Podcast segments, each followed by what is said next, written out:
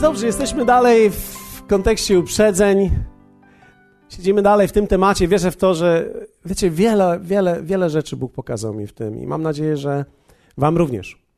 Mam nadzieję, że wielu z nas dzisiaj widzi to, jak ważne jest to, aby pokonywać uprzedzenia w swoim własnym życiu. Że w momencie, kiedy tak naprawdę nie pokonamy uprzedzeń, one wyznaczą drogę naszego życia.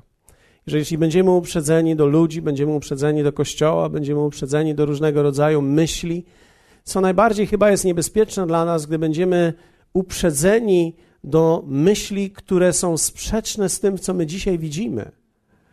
Tak naprawdę one określą poziom naszego życia i wprowadzą nas w zupełnie obszar nowy, w którym nigdy nie byliśmy i tak naprawdę nie chcieliśmy się znaleźć. Uprzedzenia są niebezpieczne. Pokonanie uprzedzeń nigdy nie będzie dziełem drugiego człowieka, to będzie Twoja własna decyzja. Ty sam musisz umieć pokonywać uprzedzenia, które są w Tobie. Ja nawet nie jestem w stanie pokonać uprzedzeń, które są w Tobie. Jestem w stanie Ci pomóc, jeśli będziemy mieli wystarczającą ilość czasu, ale jeśli przez przypadek jesteś tutaj pierwszy raz i zostałeś przyciągnięty przez kogoś i wyobraźmy sobie, że nie chciałeś tutaj być, ale się tutaj znalazłeś, prawdopodobnie w ciągu jednego spotkania będzie bardzo trudno mi pokonać Twoje wewnętrzne gdzieś uprzedzenia, jeśli je posiadasz. Bardzo rzadko przychodzimy do jakiegoś miejsca zupełnie z otwartym sercem, szczególnie kiedy mówimy słowo Kościół.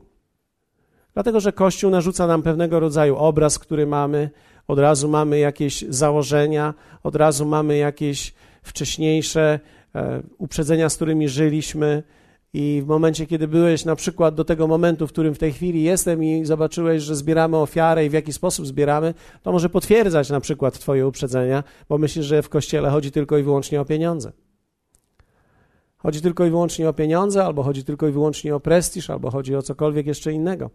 Tak naprawdę, żeby rozpoznać swoje uprzedzenia, trzeba się z nimi zderzyć, trzeba umieć sobie samemu zadawać pytania. Dopóki człowiek sam sobie nie zadaje pytań, nigdy tak naprawdę nigdzie nie dojdzie. Więc musisz zadać sobie pytania, dlaczego dzisiaj myślisz tak, jak myślisz, dlaczego jesteś w miejscu w takim, jakim jesteś. Prawdopodobnie każdy dzisiaj znajduje się w miejscu, w którym jest z powodu również uprzedzeń, które prowadziły nas w życiu. Więc jeśli ktoś z Was jest zainteresowany tym tematem, chciałbym wrócić Was do tych dwóch poprzednich spotkań, niedzielnego i czwartkowego, gdyż poszliśmy dalej, jeśli chodzi o uprzedzenia, i myślę, że mieliśmy wspaniały czas ze słowem w czwartek.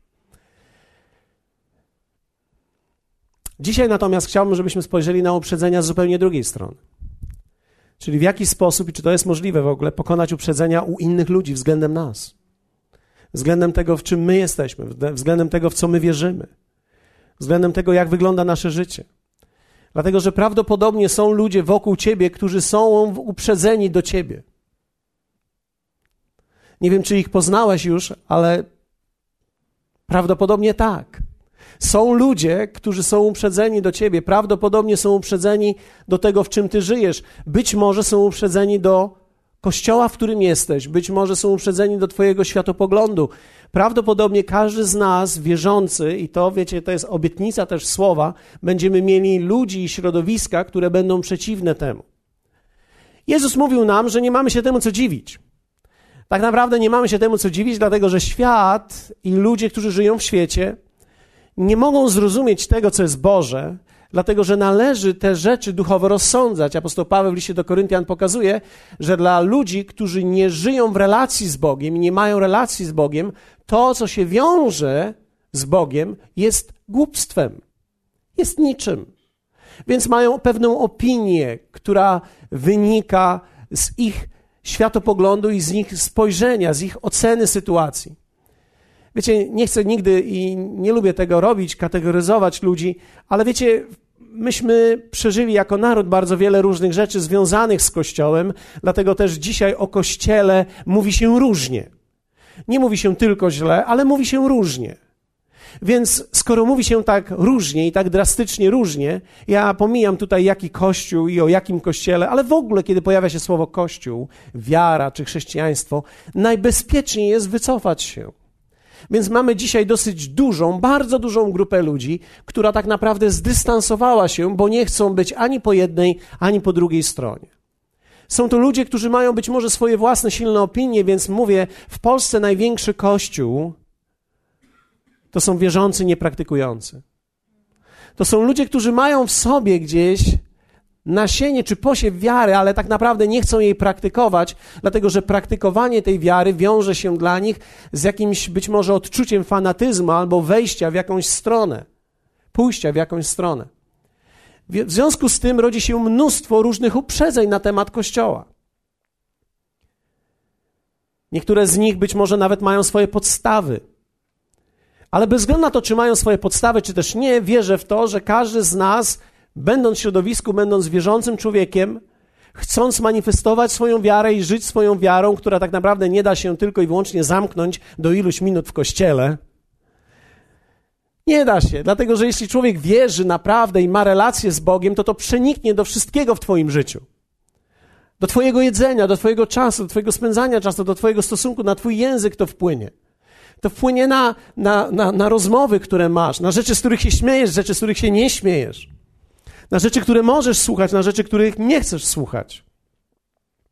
Każda żywa relacja z Bogiem doprowadza nas do takiego miejsca polaryzacji. W związku z tym, w momencie, kiedy my się polaryzujemy i gdy my się zaczynamy określać, w pewien sposób zaczynamy odczuwać uprzedzenia innych ludzi. I myślę, że ważne jest, aby poradzić sobie z uprzedzeniami u innych ludzi. Niektórzy mówią, ale co mnie obchodzą inni ludzie?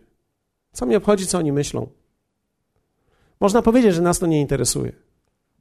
Ale zwróćcie uwagę, że tak naprawdę to jest bardziej nasza reakcja niż prawda. Kiedy my mówimy, nas to nie obchodzi, co inni myślą o nas, najczęściej jest to nasza wewnętrzna reakcja odrzucenia na to, że ktoś pokazał nam, że czegoś nie lubi w nas albo o nas. W związku z tym mówimy, a nie obchodzi mnie, co o mnie myślisz. Tymczasem tak naprawdę w Bogu powinno zależeć nam, co ludzie myślą o nas. Powinno nam w prawidłowy sposób, nie w niewolniczy sposób, ale w prawidłowy sposób zależeć, jaka jest opinia innych ludzi o nas, o Tobie. Dlatego, że tak naprawdę od opinii, którą Ty posiadasz i od opinii, którą Ty będziesz budował, będzie zależało, jak daleko sięgnie Ewangelia w Twoim środowisku. Od tego, jak ludzie będą mieli stosunek do Ciebie, jaki będą mieli stosunek do Ciebie, prawdopodobnie Ty możesz być jedyną osobą w tym środowisku, przez którą Ewangelia może przenikać dalej. Widzę to często w rodzinach. Bardzo to widać w rodzinach. Rodziny, które mają ścisły związek, bardzo ścisłe relacje, gdy mąż przychodzi do kościoła, żona przychodzi do kościoła. Gdy żona przychodzi do kościoła, natychmiast mąż przychodzi do kościoła. Dlaczego? Bo on jej nie puści, ani ona jego, żeby on był w czymś, czym ona nie jest. Pamiętam, to był przypadek Jadzi i Gienka, często go poruszałem, ale on był tak bardzo wyraźny, że myślę, że często go będę poruszał i chyba do końca życia będzie to dla mnie bardzo znaczące. Dlatego, że Gienek jako głowa domu, widząc, że jego żona przyszła do kościoła, powiedział: Ja nie mogę żeby moja żona i moje dzieci były w czymś, a mnie w tym nie ma. Więc to nie mówi tak naprawdę nic o jego wierze, to nie mówi o jego stosunku do kościoła, o jego stosunku do mnie, nawet o aprobacie w tą stronę. Ale to mówi na pewno o miłości o związku pomiędzy nim a żoną i relacją z dziećmi. To bardzo mocno mówi o tym, jak ważne jest dla niego, co oni przeżywają i co oni odczuwają. Wiecie, nawet jeśli on nie zgadzałby się ze mną, to on z szacunku do nich i miłości do nich pojawił się na spotkaniu i powiedział: Ja muszę posłuchać tego gościa, który zwiódł moją rodzinę. Ja, z, ja zbiorę na niego e, amunicję i ja wtedy pójdę i to wszystko będę w stanie im wyjaśnić i uwolnić mój dom od opresji. Więc przyszedł, przyszedł parę razy i, i, i tak się stało. I, I Bóg dotknął również jego. Bo wiecie, to, czego człowiek nie zakłada, czego nie może założyć, bo tego nie wie, to jest to, że tutaj tak naprawdę nie chodzi ani o kaznodzieja, ani o człowieka, ani o to, co on mówi, ani o to, jak on mówi, albo przez co on mówi ale chodzi tak naprawdę o żywą relację z Bogiem, której każdy człowiek ma pragnienie, której każdy poszukuje, nawet jeśli jest w zupełnie innym środowisku czy w zupełnie innym miejscu. Każdy człowiek gdzieś w środku ma pustkę, którą tylko Bóg może zapełnić. I nie ma znaczenia, jak bardzo różni się ten kościół od innych kościołów, czy sposób, czy forma. Człowiek, gdy tylko ta struna zostanie napięta i zostanie zagrane, on czuje w sobie to pragnienie. Więc tak naprawdę, kiedy on był w trakcie tutaj, siedział na spotkaniach, akurat nie tutaj, ale jeszcze na Gnieźnieńskiej, gdy byliśmy, gdy siedział tam i słuchał tego wszystkiego, tak naprawdę Bóg dotykał w tym czasie, kiedy on zbierał amunicję, w tym czasie Bóg dotykał jego serca, kiedy on nie wiedział. I dotknął jego. I wiecie, to jest piękne. Ale zwróćcie uwagę, widzę to bardzo wyraźnie, jak często to mówi o tak naprawdę związkach, które mamy w domu i w naszych rodzinach. To jest czasami dla mnie tragiczne, kiedy patrzę na to i wierzcie mi, wierzę w to, że, że to przemawiać powinno do nas mocniej niż cokolwiek innego. Jak tak naprawdę często niewiele nas obchodzi, co jest u, u kogoś, z kim nawet śpię.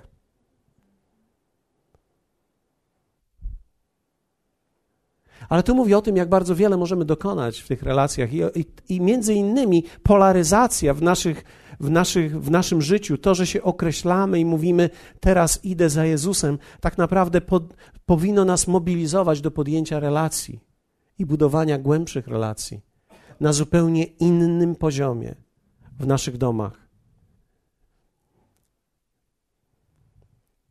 Oczywiście to jest idealne, kiedy cały dom może być zbawiony i być tutaj ale to zależy od tego, jak bardzo relacje w domu są silne. Ale bez względu na to, czy są silne, czy nie, one rzadko kiedy są silne same z siebie.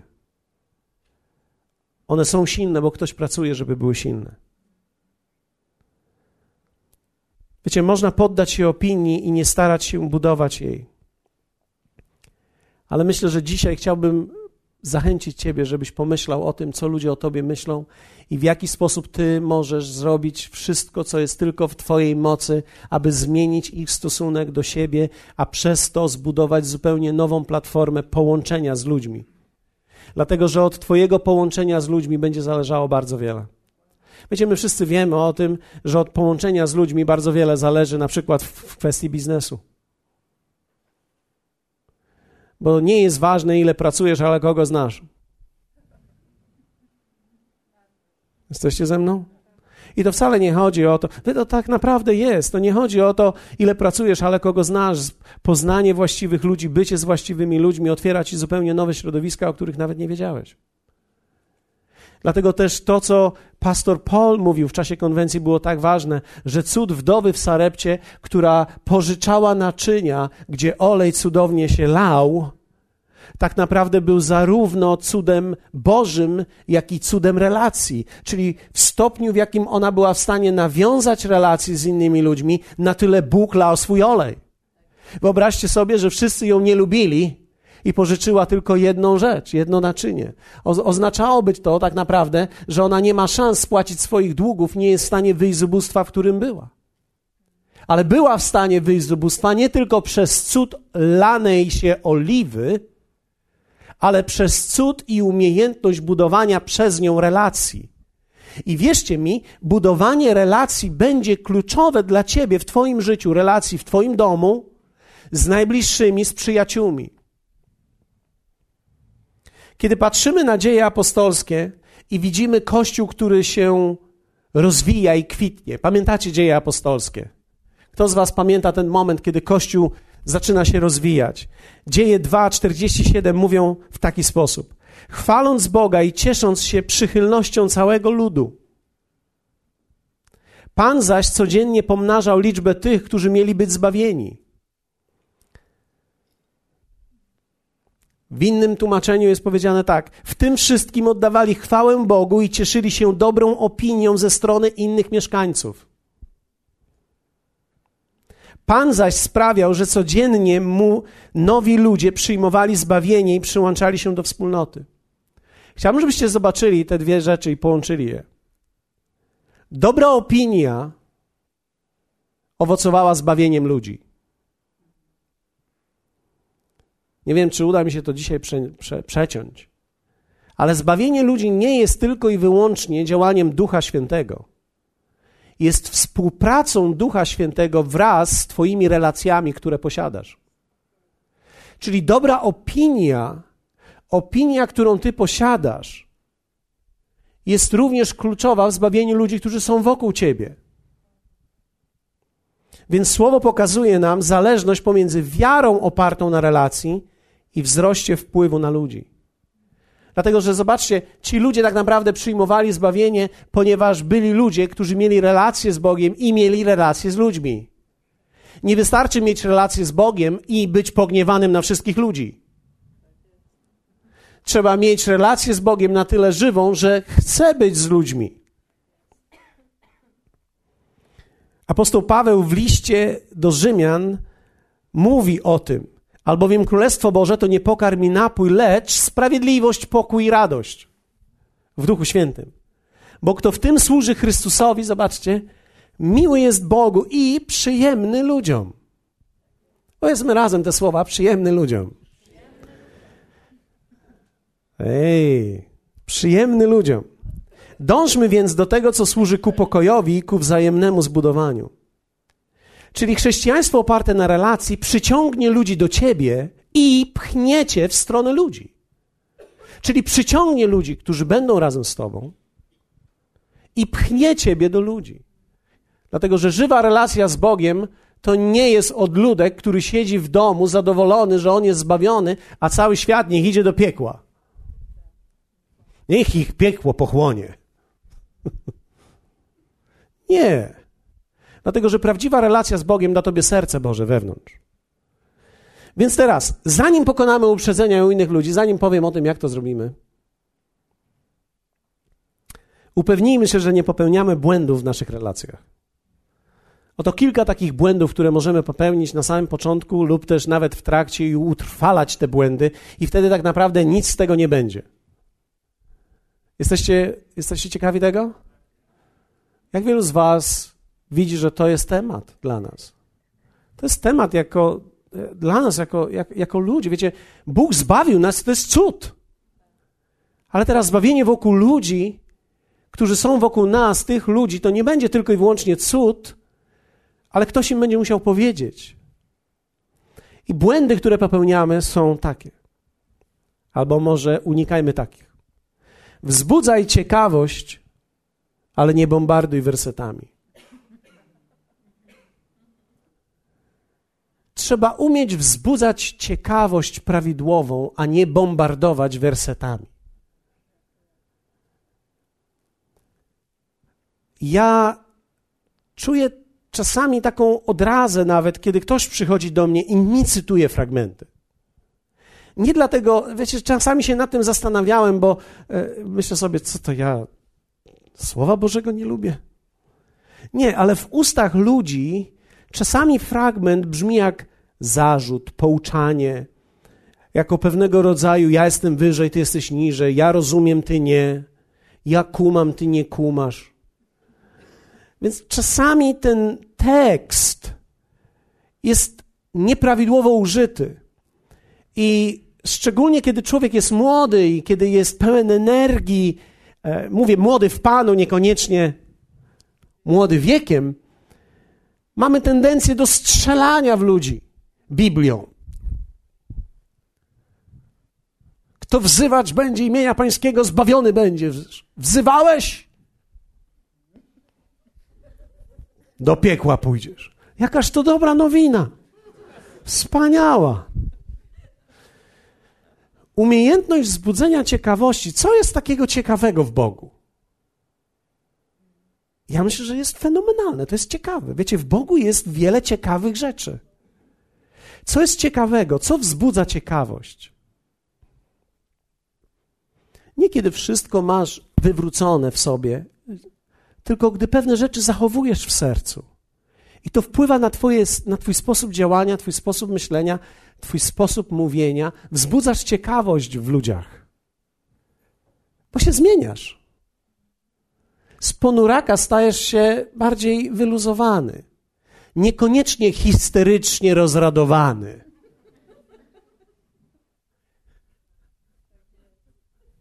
Takich też się boję. Dlatego, że często oznacza, że tacy ludzie histerycznie rozradowani w Panu, na drugi dzień są w dole, w depresji, trzeba ich dźwigać. Histeryczna radość czasami mówi o nieuporządkowanej dyscyplinie emocjonalnej.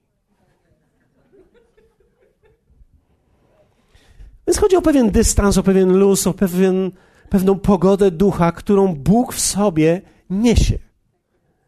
Poznając rzeczywistego, prawdziwego Boga, nie stajesz się coraz bardziej poważny i napięty. Tylko taki jakiś oddech zaczynasz mieć. Ja cię, no normalnie dobrze będzie. Jesteś jakiś taki wyluzowany. Nie jesteś jakiś taki, nie stajesz się śmiertelnie poważny w krawacie z teczką. Ja ci ogłaszam koniec z tobą. Koniec z nami, koniec ze wszystkimi. Świat idzie do piekła. Nieliczni idą do nieba, nawet ja nie wiem, czy idę do nieba. Jezus, zmiłuj się nad nami. Nie, stajesz się coraz bardziej, ja bym powiedział, ludzki nawet. Tak trochę nie ma w tobie takiego przejęcia fanatycznego. Nie stajesz się tak naprawdę fanatykiem, stajesz się wolny. Mówisz o Bogu, ale w taki normalny sposób. Że idziesz z nim na ryby, idziesz się wykąpać i że śpiewasz i rozmawiasz z nim, jak jesteś pod prysznicem. E, I że naprawdę daje pokój do Twojego serca. Jest wiele takich ciekawych rzeczy w Tobie. Kolejna rzecz. Opowiadaj o owocu relacji, a nie o doktrynach, które nie są pierwsze. O owocu, nie o doktrynach. Niektórzy ludzie ewangelizują na dziesięcinę. Chcesz, żeby ci się powodziło, musisz dawać dziesięcinę, a jeśli chcesz dawać dziesięcinę, to musisz przynieść ją tu, do nas. Jezu. Myślałem sobie, mój Boże. To jest tak, jakbyś zachęcał kogoś, żebyś, żeby się w końcu pobrał i ożenił i mówił tylko teraz uważaj, bo ona cię z, wykosi. Normalnie ta kobieta cię przyciśnie. Wszystkiego najlepszego. Wiecie, człowiek, kiedy chce się ożenić, mój Mateusz myśli teraz o tych rzeczach. I teraz, kiedy on myśli teraz o ślubie, wiecie, on, on nie myśli o wydatkach, które będą. I o tych wszystkich zakupach, na które później ona będzie chciała chodzić, za które on będzie miał ten przywilej zapłacić.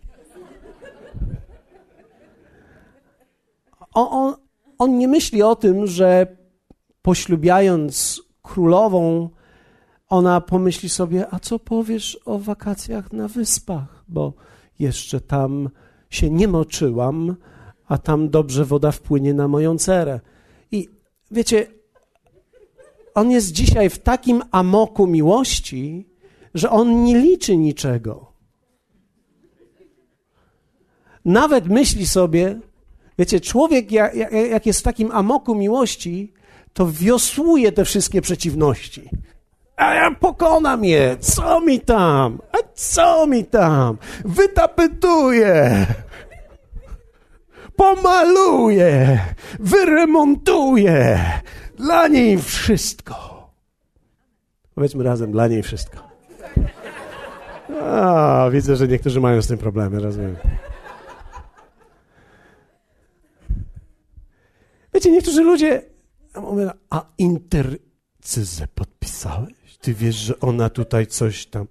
Człowiek nie może wiedzieć o doktrynach, o tym, co ma teraz jeść, a czego ma nie jeść i pamiętaj, marchewkę możesz, ale, ale za dużo świniny nie.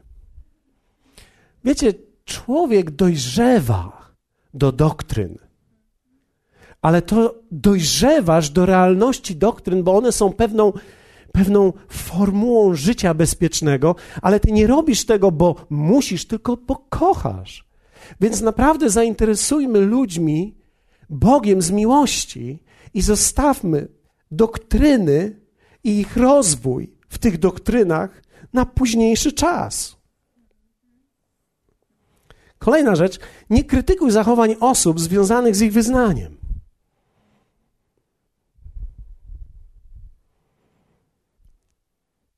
Widzisz procesję? Nie śmiej się z tych ludzi. Śpiewają jak umią. wiecie, ludzie robią co mogą, żeby Bogu się podobać. Tak nauczono ludzi. Myślę, że wielu z tych ludzi jest bardzo szczerych w tym, co robi. Ci ludzie nawet płacą cenę, żeby tam być. Więc tak naprawdę ja wierzę w to, że my, nam nie wolno tego robić. To jest wbrew pewnej kulturze. Jezus tego nie robił. Jezus nie przyszedł i nie wyśmiewał się z faryzeuszy. Jezus nie wyśmiewał się z nikogo. Jezus miał w sobie szacunek do wszelkiego rodzaju pobożności. On miał swoje zdanie na ten temat i on wypowiadał je we właściwych momentach, ale on miał szacunek do ludzi. Więc kiedy patrzymy na ludzi i widzimy, że oni robią rzeczy, których my byśmy nie zrobili, nie uderzajmy w nich. Nie krytykuj zachowań. Wiecie, kiedy jesteśmy, czasami przychodzi maj, my już jesteśmy teraz za tym, ale przychodzi maj, mamy w rodzinach ludzi, którzy mają komunię. Robimy czasami niepotrzebnie atak na to. O, bałwochwalstwo się szerzy w domu. Dotykasz ludzi w ich czułe miejsce, niczego tak naprawdę nie wnosząc. Myślę, że atakujesz ich duszę, nie rozumiejąc, co robisz. I myślę, że czasami lepiej by było, kiedybyśmy się zaangażowali w to, na zasadzie nawet naszej obecności, żeby wyrazić nasz szacunek i naszą szerokość i wielkość, że możemy być, mając jednak w dalszym ciągu swoje zdanie i mając swoje własne przekonanie. Ale robimy to ze względu, że chcemy być z ludźmi i to nie jest żaden kompromis, to jest, bym nazwał nawet mądrość. Niektórzy powiedzą, to kompromis, bo stoisz teraz i tam demony ciebie oblezą. Ja myślę, że demony to mnie mogą obleść, jak będę siedział w domu i krytykował wszystkich. To jest niebezpieczny punkt, a nie moment, w którym myślę, jak mogę przekazać Ewangelię innym ludziom, moim bliskim, kiedy oni są w tym, w czym są. Nigdy nie zdobędziesz ludzi dla Boga, krytykując ich. Nigdy nie zdobędziesz swojej rodziny, krytykując i wy, wyrzucając im. Szczególnie kiedy przyjdziesz do kościoła, dowiesz się paru rzeczy, wiesz już, co jest właściwe, co nie, wracasz do domu, jesteś pełen kolty, masz pełne amunicji i zaczynasz strzelać w nich. A ten obraz tu to co? A ten szkaplerz tu to co? I tak naprawdę uderzasz w coś. Wiecie, czasami ten obraz dla tych ludzi jest jedynym przypomnieniem o Bogu. Ja bym w niektórych momentach ich w ogóle nie ściągał. Bo być może to będzie, wiecie, kiedy ci ludzie już będą w swoim niżu, być może gdy spojrzą czy na ten krzyż, czy na ten obraz, pomyślą, być może Bóg ma coś dla mnie. Myślę, że czasami protestantyzm demonizował obrazy i różnego rodzaju rzeczy niepotrzebnie. Niepotrzebnie. To wcale nie oznacza, że ty musisz się teraz obwiesić i zrobić ołtarz w domu. Ale to oznacza nie krytykuj, szczególnie kiedy, wiecie, czasami możemy pójść w gości, wybaczcie, że o tych rzeczach mówię, ale pomyślałem sobie, któregoś dnia chyba trzeba, a wakacje to jest dobry moment. I tak mnie niewielu słucha.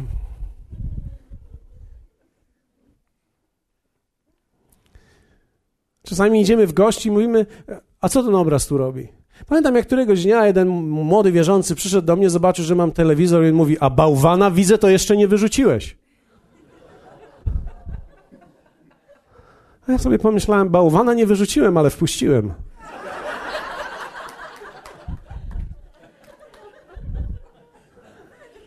Wiecie, człowiek czasami to trzeba mieć tupet, żeby pójść do kogoś do domu i powiedzieć mu, co ci się nie podoba.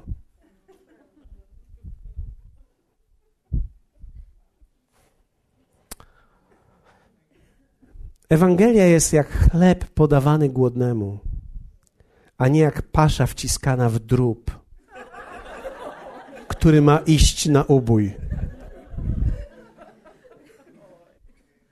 To nie pasza w dziób. Ewangelia jest jak chleb podawany głodnemu. Zawsze musi taka pozostać. to na nas narzuca o wiele inny rodzaj ewangelizowania.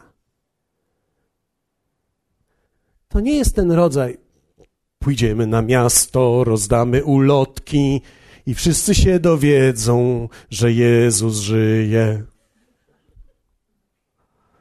Ja mam wątpliwość, czy oni się dowiedzą, że Jezus żyje. O, oni się dowiedzą.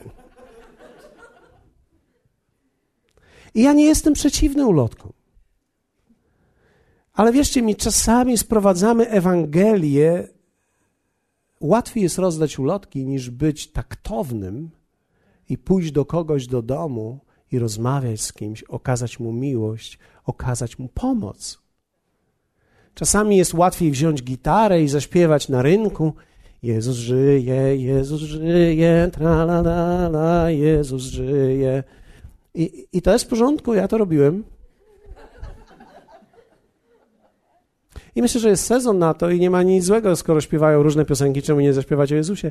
Ale wiecie, jeśli my wierzymy w to, że to jest szczególny rodzaj ewangelizacji, a w domu siedzą nasi ludzie, którzy są przeciwni nam i my z tym nic nie robimy i nie zależy nam na tym, co oni myślą i jeszcze najgorsze, co może być, to jest bierzemy fragment biblijny myślimy sobie, nawet we własnym domu prorok nie jest mile widziany.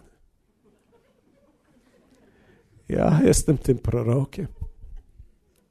I w mój własny dom mnie nie rozumie. O, niech ich piekło pokłonie. Ja będę sam. Biblia mówi, że dwoje będzie leżeć na łóżku, jedno będzie wzięte, drugie nie. Już ta moja kobita nie będzie wzięta. Jakież to całe szczęście jest, że my będziemy razem leżeć. Ja pójdę do nieba, a ona zostanie. Hmm.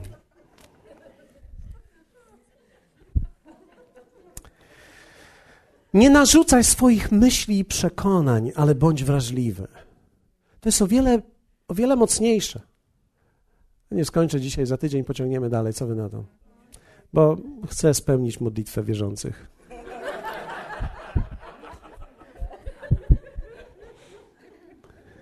Nie narzucaj swoich myśli i przekonań, bądź, bądź wrażliwy. Czasami wolę nie mówić, że jestem pastorem, e, dlatego że to już jakby zmienia układ między nami. E, więc mówię, cześć, jestem Paweł i rozmawiamy. I wiecie, staram się wsłuchać, gdzie jest ten człowiek, co on robi, co, co jest w jego życiu tak naprawdę, z czym się boryka. Dlatego, że wrażliwość na drugiego człowieka to jest tak naprawdę owoc Boży, który w nas jest.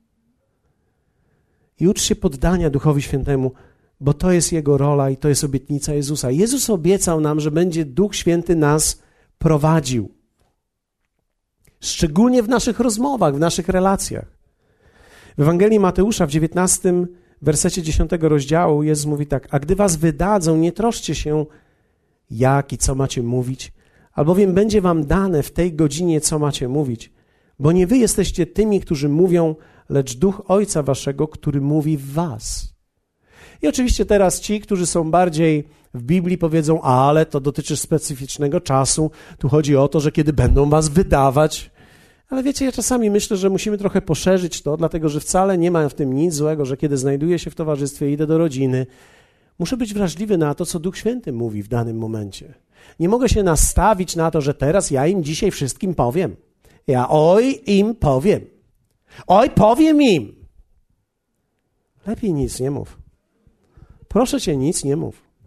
Czasami któregoś dnia, będąc pastorem, jak słyszałem, jak ludzie ewangelizują, pomyślałem sobie, że prawdopodobnie wzrost kościoła byłby o wiele szybszy, gdyby ludzie po prostu przestali mówić. Gdyby nic nie mówili, prawdopodobnie z ciekawości ludzie by częściej przyszli i oddali swoje życie Bogu, ale niestety ludzie mówią i ewangelizują czasami zupełnie interesująco. Na zasadzie ja im powiem i się kłócą i, i teraz się rozstaliśmy, ale ja im następnym razem powiem. Tak myślę sobie czasami, zdrowy rozsądek to jest wielki dar. Nie ma nic gorszego czasami niż taki najeżony wierzący prawdami. Jestem jak taka mina w wodzie, najeżona. Gdzie mnie nie dotkniesz, tam eksplozja. Ktoś przyjdzie, do boja się tutaj na święta, zobaczy choinka. Choinka jest czystym bałwochwalstwem. Bum! Boże, co wy tu robicie? Wiecie, my się możemy najeżyć na wszystko. Możemy być tacy sprawiedliwi, że sami już nie wiemy, w co wierzymy. Tacy, jesteśmy sprawiedliwi.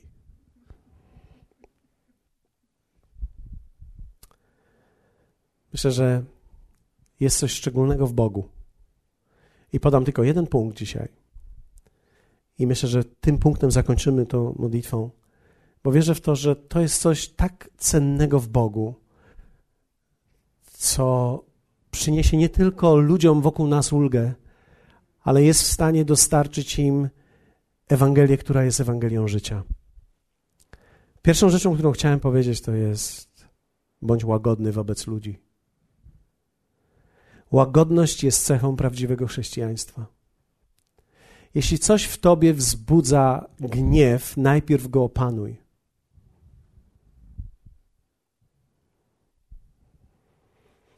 Wiecie, kiedy Jezus przyszedł tutaj, w Ewangelii Mateusza czytamy tak: Powiedzcie córce syjońskiej, dokładnie Izraelowi, oto król twój przychodzi do ciebie łagodny. Jesteście ze mną? Posłuchajcie mnie. Łagodny i jedzie na ośle, źrebięciu oślicy podjarzemnej. To jest dopiero tekst, prawda? Wczoraj wygooglowałem to, przeszukałem to, podjarzemna, myślałem sobie, podjarzemna, jaka to może być ta podjarzemna? I oczywiście to nie jest wcale aż tak skomplikowane. Zwyczajnie osiodłana, ta, która jest która ma sznur na sobie. Nic wielkiego, ale taki ciekawy wyraz. Pomyślałem sobie, dla tych, którzy są bardzo głębocy, to ta podjarzemna będzie bardzo ciekawa. Ale mowa jest tu wcześniej o tym królu, który przyjeżdża. Przyjeżdża król do, swojej, do swojego miejsca. Jan pisze o tym w ten sposób: przyszedł do swoich, swoich go nie przyjęli. I przychodzi król, przyjeżdża na osiołku, przyjeżdża na osiodłanym. I przyjeżdża jako ten, który jest łagodny. Wiecie, do Izraela, który tak naprawdę żył w bałwochwalstwie i obrócił wszystko, to, co było uczone. Ja myślę sobie, że Jezus to, był, to była pierwsza osoba, która była sprawiedliwa, który powinien tak naprawdę stracić nerwy i ich tam powycinać.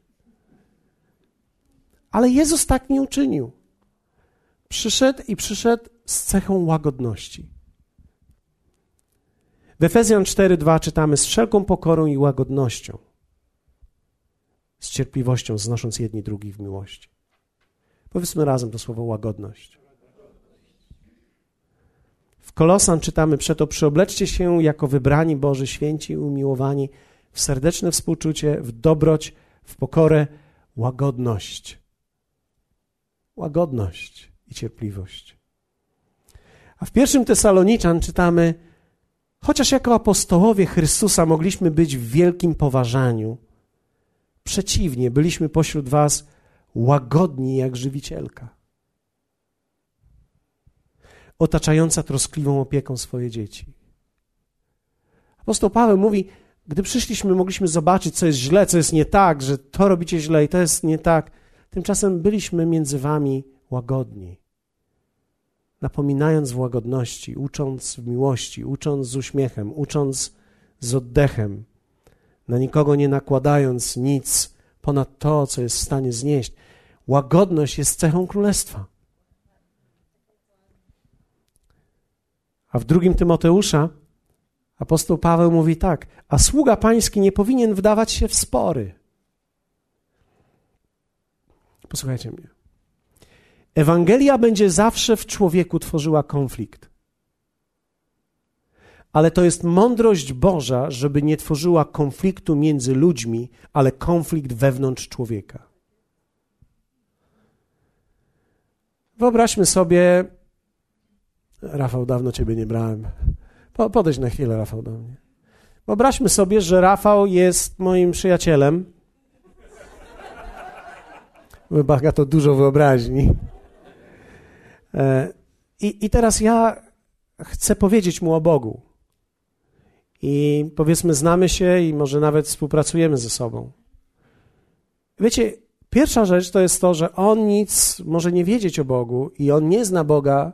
On może być religijny, może nawet chodzić do kościoła. Ja znam Boga, znam w relacji. Więc jemu mówię o mojej relacji z nim i o tym, że rozmawiałem z Bogiem, o tym, że, że Bóg dał mi pokój do mojego serca i że dziękuję mu za to. I że Ewangelia oczyściła mnie z moich grzechów i może to samo zrobić dla ciebie. Wie, wiecie, łagodność sprawia, że Ewangelia nagle staje się konfliktem wewnątrz niego. Czyli teraz jego stary człowiek, ciemność, w której żył, musi poradzić sobie z tym światłem, które wpuścił. Ale nigdy nie musi być konfliktem między nami. Na zasadzie, w co ty wierzysz? No co ty wie? Ty co ty masz za wiarę? W co ty wie? Gdzie ty chodzisz? Człowieku, co ty robisz? Więc wiecie, my ewangelizujemy na zasadzie czasami, gdzie ty chodzisz, co ty robisz, zamiast mówić o tym, co w nas jest wartością, co Bóg uczynił i umieścić tą wartość wewnątrz Niego i powiedzieć, będę modlił się o Ciebie. Fajnie, że jesteśmy razem przyjaciółmi, fajnie, że pracujemy razem, cieszę się. Dziękuję. I wiecie, kiedy ja staję się przyjacielem Jego, kiedy ja mam właściwy stosunek do Niego, rozumiem i szanuję Jego osobistą podróż, dlatego że każdy z nas ma indywidualną podróż z Bogiem. Każdy z nas przychodzi do Jezusa w innym czasie, w innym momencie. W tym momencie ten konflikt, który niesie w sobie Ewangelia, bo Ewangelia niesie w sobie konflikt, nie jest konfliktem między mną a nim, ale jest konfliktem wewnątrz niego, gdzie ja jeszcze nawet pomagam i asystuję w tych narodzinach. Staję się przysłowiową akuszerką i mówię, że ten konflikt, który ma, to jest konflikt, który ja miałem i opowiadam również o mojej własnej podróży, która wcale nie była łatwa, ponieważ zajęło Bogu tak naprawdę kilka miesięcy, zanim doszedł do mojego serca i przejął kontrolę, więc ja dzisiaj tak naprawdę rozumiem, że żaden normalny, zdrowy człowiek nie przyjdzie na spotkanie, chyba że był wcześniej przez Boga prowadzony i kształtowany, i, i, i to jest jakby już ten punkt narodzin, ale przeważnie to nie jest punkt narodzin, to jest przeważnie moment, kiedy to słowo zaczyna dopiero funkcjonować w nim, zaczyna być posiane. Więc kiedy ty rozmawiasz z kimś, kiedy ktoś przychodzi pierwszy raz na spotkanie, my musimy mieć tą wrażliwość i łagodność, że tak naprawdę Ewangelia, która jest mocą Bożą, musi mieć czas, aby zagościć w jego sercu, aby była przyjęta, bo wola człowieka jest bardzo ważna. Nie da się nikogo skręcić. Trzeba w tym duchu łagodności pomóc ludziom w to wejść. Sługa pański nie powinien wdawać się spory, w spory, lecz powinien być uprzejmy dla wszystkich. Zdolny do nauczania, cierpliwie znoszący przeciwności, napominający z łagodnością krnąbrnych. Więc mamy tu jeszcze krnąbrnych, czyli mamy jeszcze takich, którzy niektórzy z was mają w domu krnąbrnych. Powiedzmy razem, krnąbrnych. Powiedz sąsiadowi, znam takiego. krnąbrnych. Możesz mieć blisko siebie krnąbrnych. Takich na nie. Napominających z łagodnością. To słowo napominających to jest słowo zachęcających. Nie napominam z łagodnością, a ty żeś dziś nie był. A. Panie porządny, pani porządna, napominających z łagodnością krnąbrnych w nadziei, że Bóg przywiedzie ich kiedyś do upamiętania i poznania prawdy i że wyzwolą się z sideł diabła, który ich zmusza do popełnienia swej woli. Czyli tak naprawdę ludzie są zmuszani do pełnienia Jego woli, nawet gdy o tym nie wiedzą. I ci ludzie są w ciemności, i my możemy w łagodności pomóc im. Więc ja teraz mam przyjaciela, ja z nim pracuję, ja powiedziałem mu parę słów i ja zostawiam go z tym. Ja nie będę go atakował i nie będę teraz mówił, mówisz co, przyniosłem ci 32 książki, ja na twoim miejscu zacząłbym od tej. Proszę. Dlatego, że on może nie być zainteresowany 32 książkami, ale w czasie rozmowy, kiedy mamy, on może powie, słuchaj, a jest coś, co mogłoby mi wyjaśnić parę rzeczy, a wtedy ty możesz pomyśleć, hmm, wiesz co, jest taka książka, która mi pomogła na samym początku drogi, e, nie wiem, czy to dla ciebie będzie początek. Ja nie wiem, czy ta książka będzie dla ciebie dobra. To jest książka, która mi pomogła. Zobacz, weź to. A ktoś może powiedzieć, a ty masz Biblię, czytasz Biblię. Ja nie czytam Biblii. Nie wiem nawet, jak czytać Biblię. Ja, jak mam czytać Biblię? Wiecie, czasami ci ludzie potrzebują prostej, zwykłej instrukcji, łagodności. Nie na zasadzie, co ty, Biblii nie czytasz? No to jak ty, człowieku, żyjesz? Gdzie ty masz Biblię? Masz gdzieś w domu Biblię? Wiecie, my czasami uświęcamy nasz niewłaściwy charakter.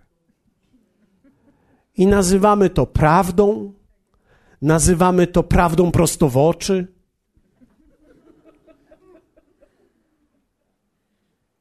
Tymczasem Jezus uczy nas łagodności im mniej ci będzie źle zależeć, a bardziej dobrze, tym więcej będziesz widział ludzi połączonych ze sobą, tych, którzy będą chcieli iść za Jezusem. A im bardziej, ci, im bardziej będziesz dogmatyczno-doktrynalny, poskręcana bomba pływająca, wokół ciebie, gwarantuję ci, to będzie teren ogrodzony z napisem miny nie wchodzić. Ludzie już będą sobie mówić, tylko z nim nie rozmawiaj.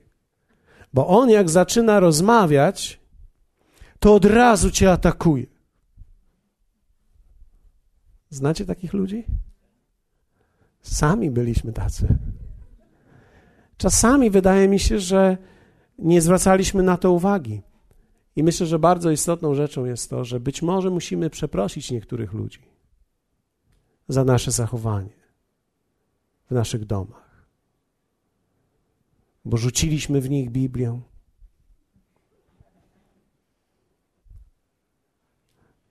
Albo uraziliśmy ich, mówiąc o ich świętach. Czasami możesz pójść do kogoś i powiedzieć: No, co tak wsuwasz Pana Jezusa? Gdybyś się tyle nawsuwał Pana Jezusa, to już powinien dawno być w tobie. A ty go wsuwasz, wsuwasz a jego dalej nie ma. Wiecie, ludzie mówili różne rzeczy w swoich domach. Tymczasem my musimy rozumieć, że nikt nie przyjmuje Ewangelii na siłę, ale Ewangelia ma w sobie tą moc, gdy jest otwarte serce na nią i dopiero wtedy jest przyjęta. Kto z Was chciałby modlić się dzisiaj o łagodność w swoim życiu i w swoim języku? o łagodność i być może słowo przepraszam w swoich domach. Być może niektórych trzeba przeprosić. Czasami walka jest o różne rzeczy. Ja, ja myślę, że wielokrotnie uderzyłem w mojego szwagra. Myślę, że wielokrotnie uderzyłem w Edytkę. Ja myślę, że wielokrotnie uderzałem, nawet nieświadomie. Starałem się bowiem być ten sprawiedliwy i wytłumaczyć im tak szybciej, żeby mogli. Ale wiecie, ludzie to nie jest ciasto, które można poobrzynać na brzegach, żeby nam pasowało do naszej formy. Musimy im pozwolić dojrzewać do tej formy. Bo nic dziwnego, jak przykładasz nożyk do nich, to oni krzyczą. Na ciebie. A wtedy ty mówisz, o, demony w tobie krzyczą. Tak, wiem, że to diabeł. Nie uświęcaj swoich form. Dlatego, że prawdziwa forma, która przychodzi od, od Boga, jest łagodna, jest cierpliwa i daje szansę ludziom rozwoju. Wierzcie mi, Ewangelia jest potężna i będzie działać w Twoim życiu i będzie działać w życiu ludzi, którzy są w Twojej rodzinie.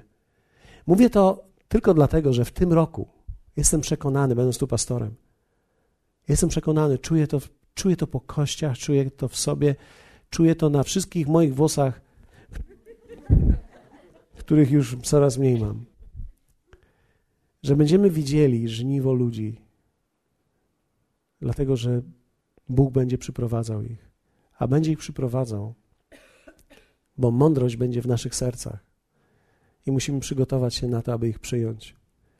Przygotować nasze serca, aby pójść do nich w duchu tej łagodności. Powstańmy razem.